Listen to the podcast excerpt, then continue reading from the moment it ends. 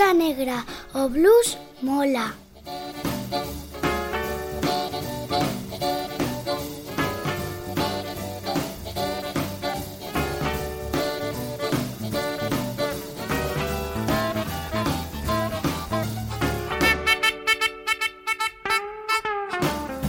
O blues está de volta, porque o blues sempre regresa. Neste preciso momento subimos a reixa do antro da música máis negra e máis honesta do mundo aquí, en Radio Galega Música e Radio Galega Podcast. A lista negra é a antoloxía sonora dun xénero que tamén é un modo de vida.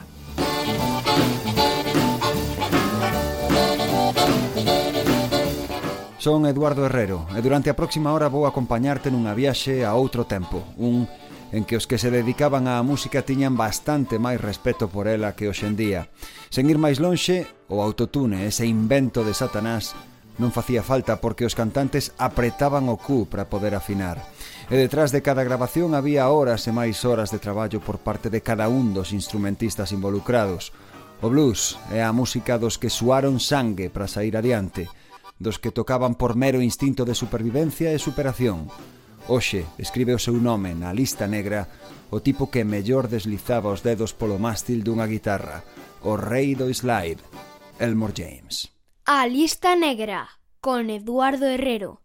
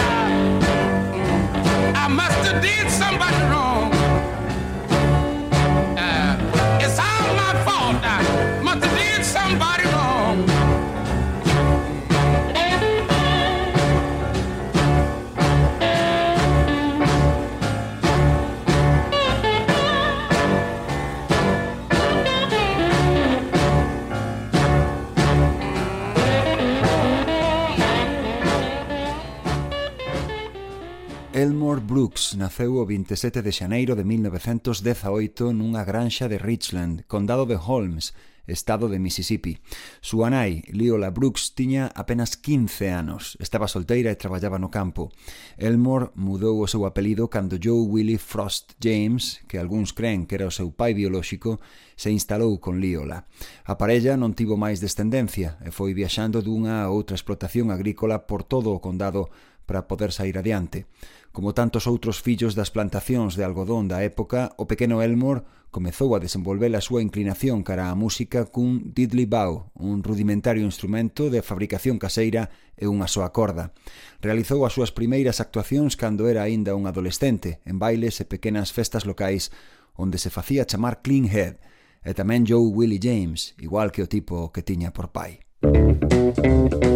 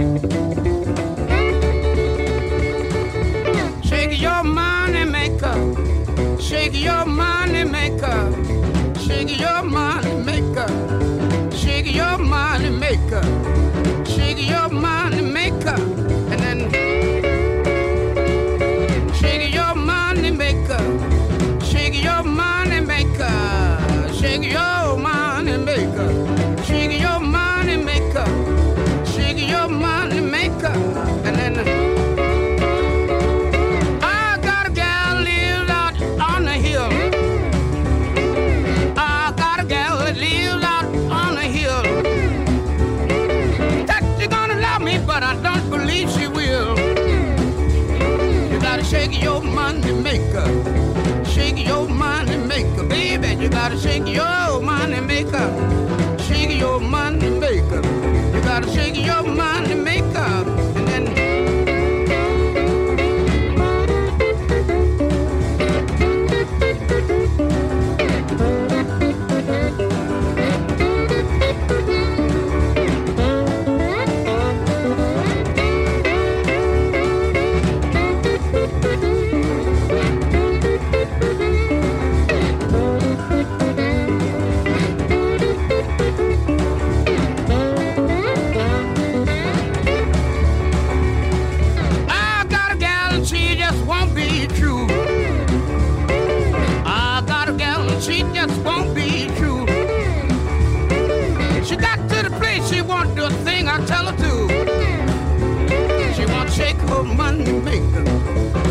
Shake her money maker. She won't roll her aggy daggy.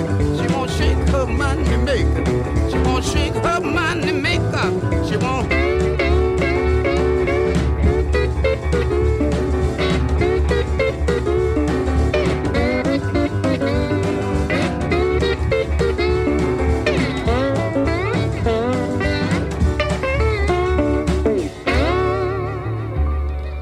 Pioneiros do blues como James Kokomo Arnold ou Hudson Tampa Red foron as primeiras influencias de Elmore James, pero sen dúbida de quen máis aprendeu na súa mocidade foi de Robert Johnson, con quen compartiu cartel en numerosas ocasións durante a segunda metade dos anos 30. Os dous eran hábiles guitarristas e foi Johnson quen instruiu a James no manexo do slide ata que este acadou unha destreza comparable á súa. Calquera limitación técnica, obviamente eran músicos autodidactas que xamais pisaron un conservatorio, suplíana cunha expresividade arrolladora. James era case sete anos máis novo que Robert Johnson e cando este morreu incorporou ao seu repertorio algunhas das mellores pezas do seu mentor e amigo. Non só iso, chegou a reescribilas parcialmente e mesmo puxo en entredito a autoría de Johnson nun caso en particular, o de Dust My Broom, o primeiro tema en que Elmore James incorporou o seu célebre lick de entrada, un son tan identificable, imitado e repetido, nas décadas posteriores por outros artistas como o riff de Chuck Berry en Johnny B. Good. Estes son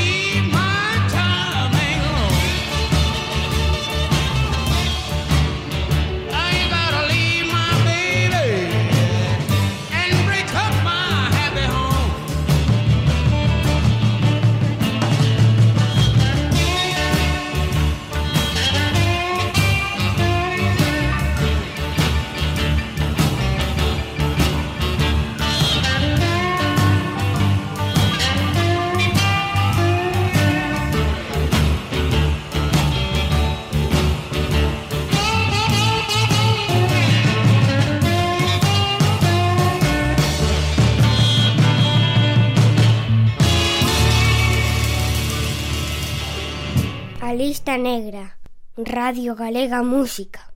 Elmore James é o protagonista hoxe nesta nova entrega da Lista Negra, o reduto do blues en Radio Galega Música e Radio Galega Podcast. A interacción con outros músicos foi outra das cousas que James aprendeu de Robert Johnson. No delta do Mississippi, o habitual era interpretar o blues dun modo espartano e individual, armado só cunha guitarra acústica e ao sumo unha armónica coa que lle dar descanso á voz.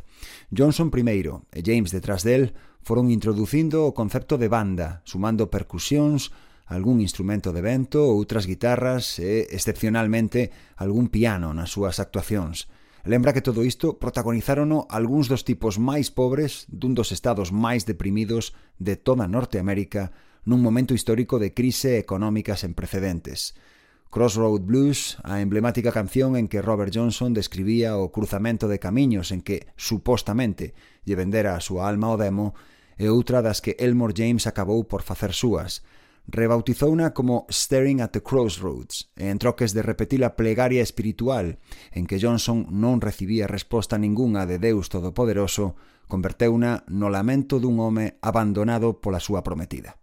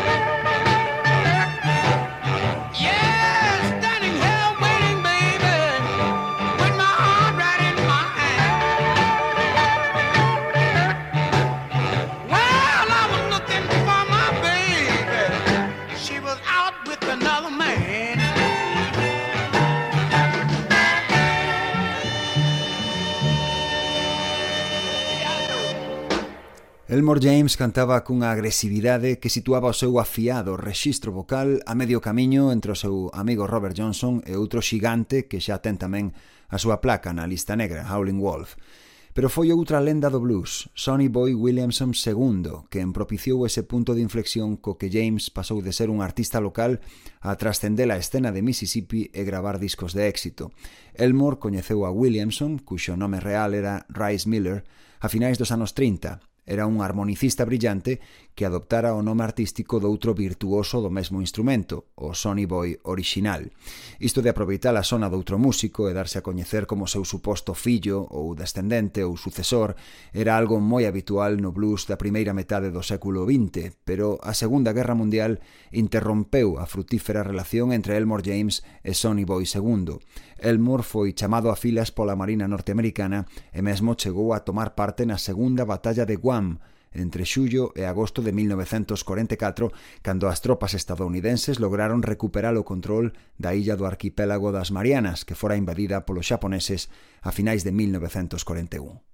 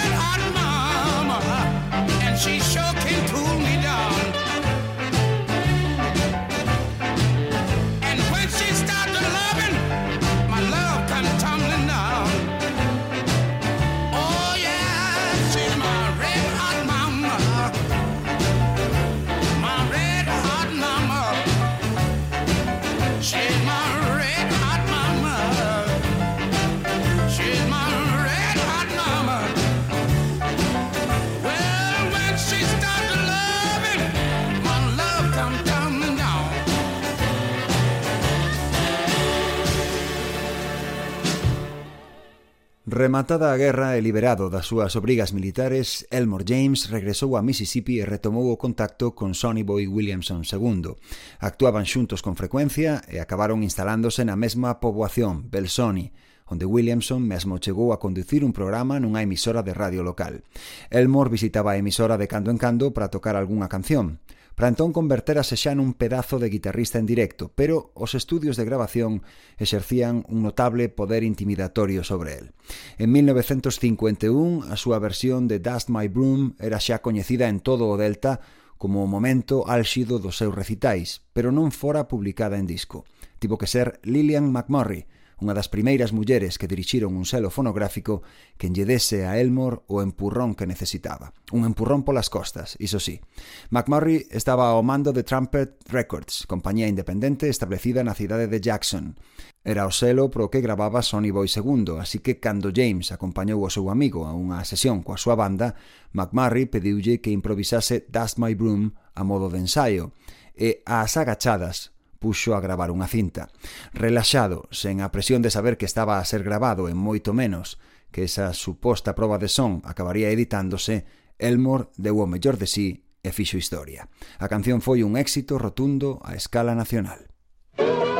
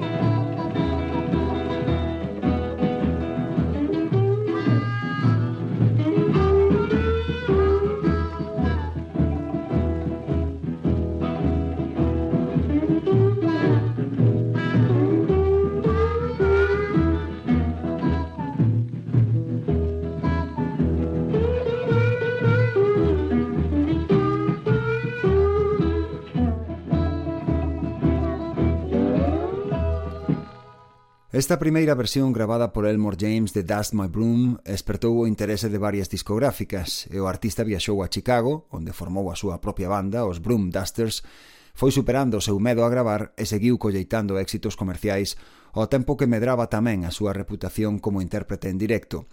A gran metrópole de Illinois era o lugar perfecto para pulir o son áspero e contundente no que Elmore levaba traballando desde os seus días de aprendizaxe xunto a Robert Johnson. Antes de marchar de Mississippi, traballara nunha tenda de electrónica, o que naquela época viña sendo un lugar onde se vendían e reparaban aparatos de radio, pouco máis. Ali Elmore aprendera a modificar distintos componentes do amplificador e da guitarra, neste último caso en particular a pastilla, o que lle permitía lograr un efecto que se convertiría en esencial na música popular das décadas seguintes, a distorsión. O gran mérito engadido do noso protagonista doxe foi conseguir aquel son electrizante e arrollador sen deixar de usar a súa bella guitarra acústica da marca Key.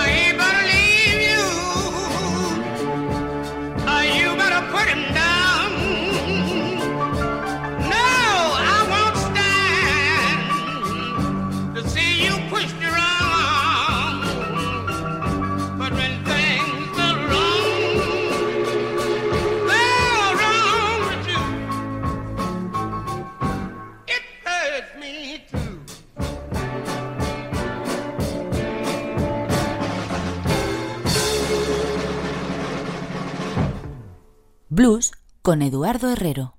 Blues na lista negra.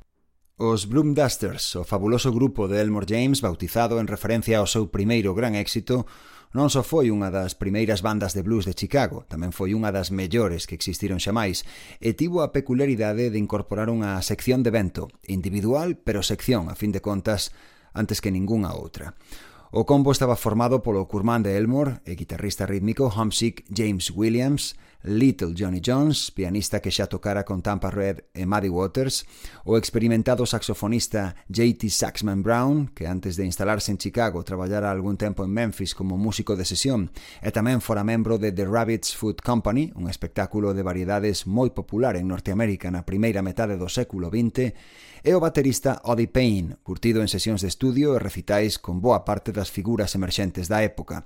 Arroupado polos ritmos boogie da guitarra de Hamsik, os arranxos punzantes de piano do pequeno Johnny e as notas sórdidas do saxo de Brown, Elmore James fixo dos Broomdusters unha das maiores atraccións da cidade naquel tempo, e tamén conquistou coa autoridade de quen supera un bello obstáculo cada estudio en que grabou para distintos selos, Flair, Meteor, Modern Chess OTIF Records.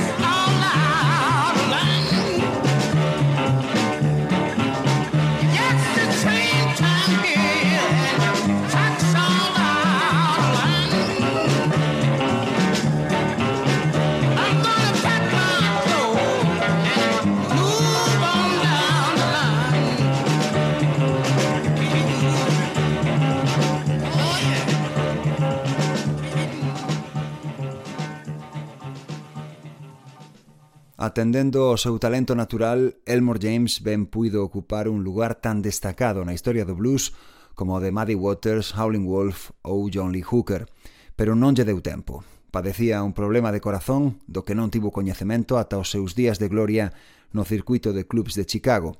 As súas visitas coa súa banda á emisora WPOA para actuar en directo no programa do célebre locutor local Big Bill Hill só serviron para apuntalar o seu prestixio.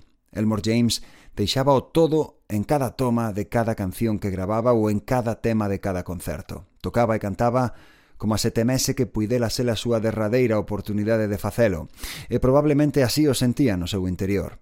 A súa condición física era tan delicada que a cada pouco Elmore víase na necesidade de parar e descansar durante varias semanas. Daquela regresaba temporalmente a Mississippi, onde tiña que traballar como picadiscos nalgúnha pequena emisora ou reparando aparellos de radio como nos vellos tempos para poder sair adiante.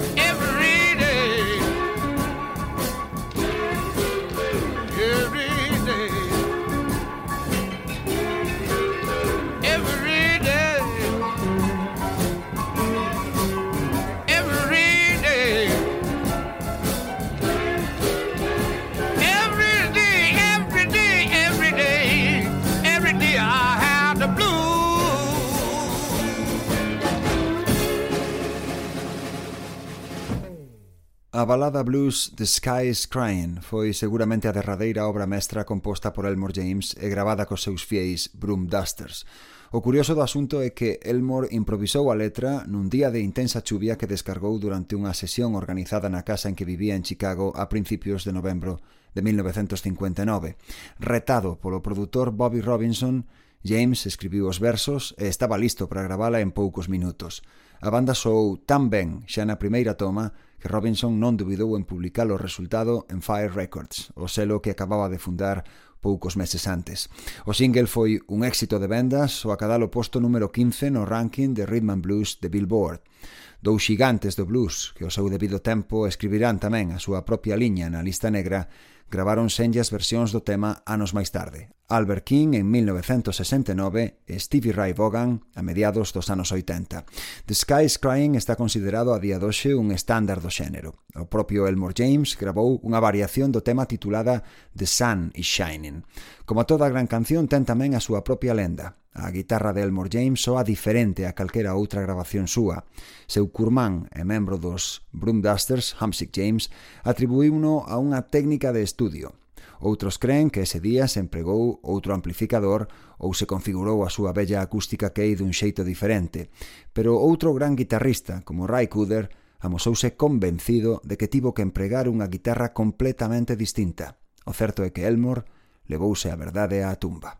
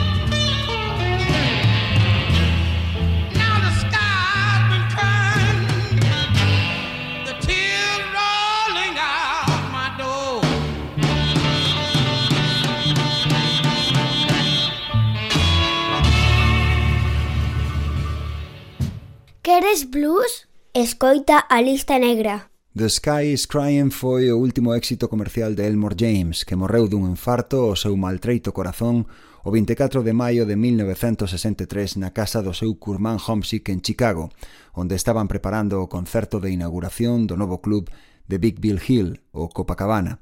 Tiña 45 anos e poucos días despois Elmore ia embarcarse na súa primeira xira por Europa, encadrada na segunda edición do American Folk Blues Festival, celebrado en Londres.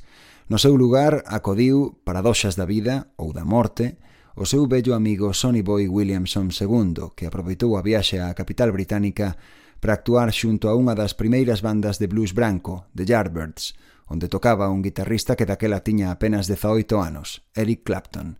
Daquela xuntanza saiu un digno álbum en directo publicado anos máis tarde, pero imaginar o resultado daquele encontro dos Yardbirds e de Clapton en particular, co rei do slide guitar Elmore James en troques de cun armonicista como Sonny Boy, produce calafríos.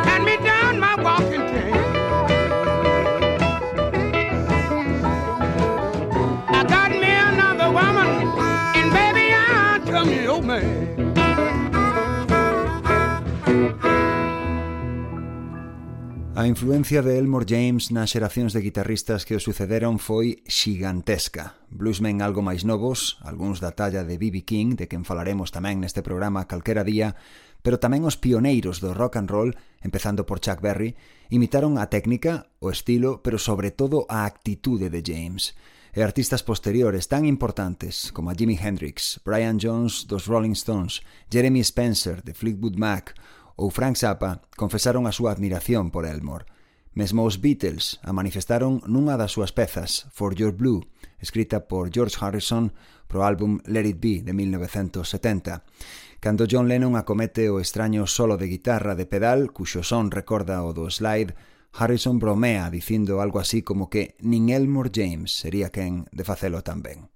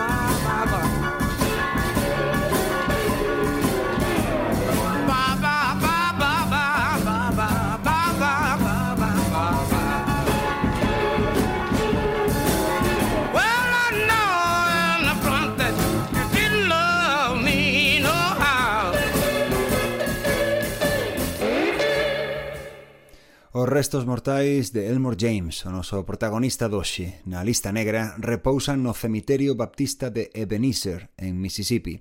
Desde 1992 hai unha lápida co seu nome, acompañado das palabras Rei da guitarra slide, un relevo de bronce que representa a Elmore co seu instrumento nas mans. Foi idea de Phil Walden, o fundador do selo Capricorn Records, que organizou unha colecta para facer da tumba un lugar á altura do personaxe. Ese mesmo ano, Elmore James foi tamén incluído a título póstumo en calidade de membro precursor no Rock and Roll Hall of Fame.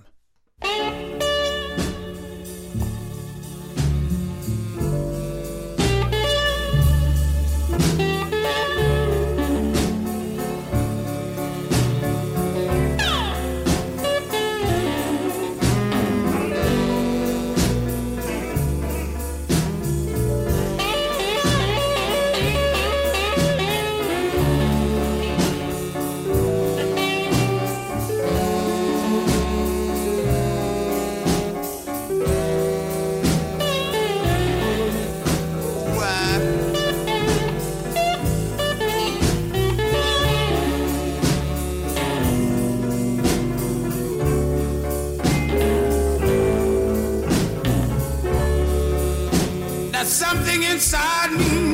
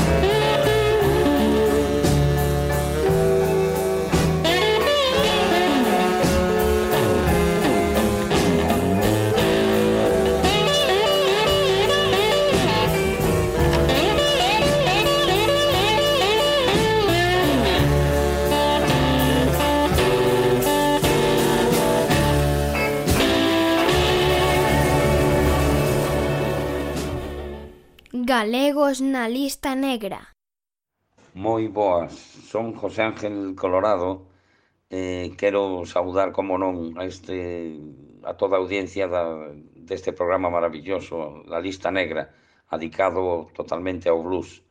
Eh, gustaríame colaborar cunha das miñas cancións favoritas da miña autoría, é unha canción que leva por título Blues de la Mosca y el Cien Pies e que está incluído no segundo álbum en solitario José Ángel e la banda viajera. Eh, o motivo é que me parece un blues que ten a letra moi vacilona e ademais ten un ritmo que, bueno, penso que vai facer bailar incluso aos, aos máis despistados. Moitísimas gracias, unha aperta moi grande. Gracias. Gracias.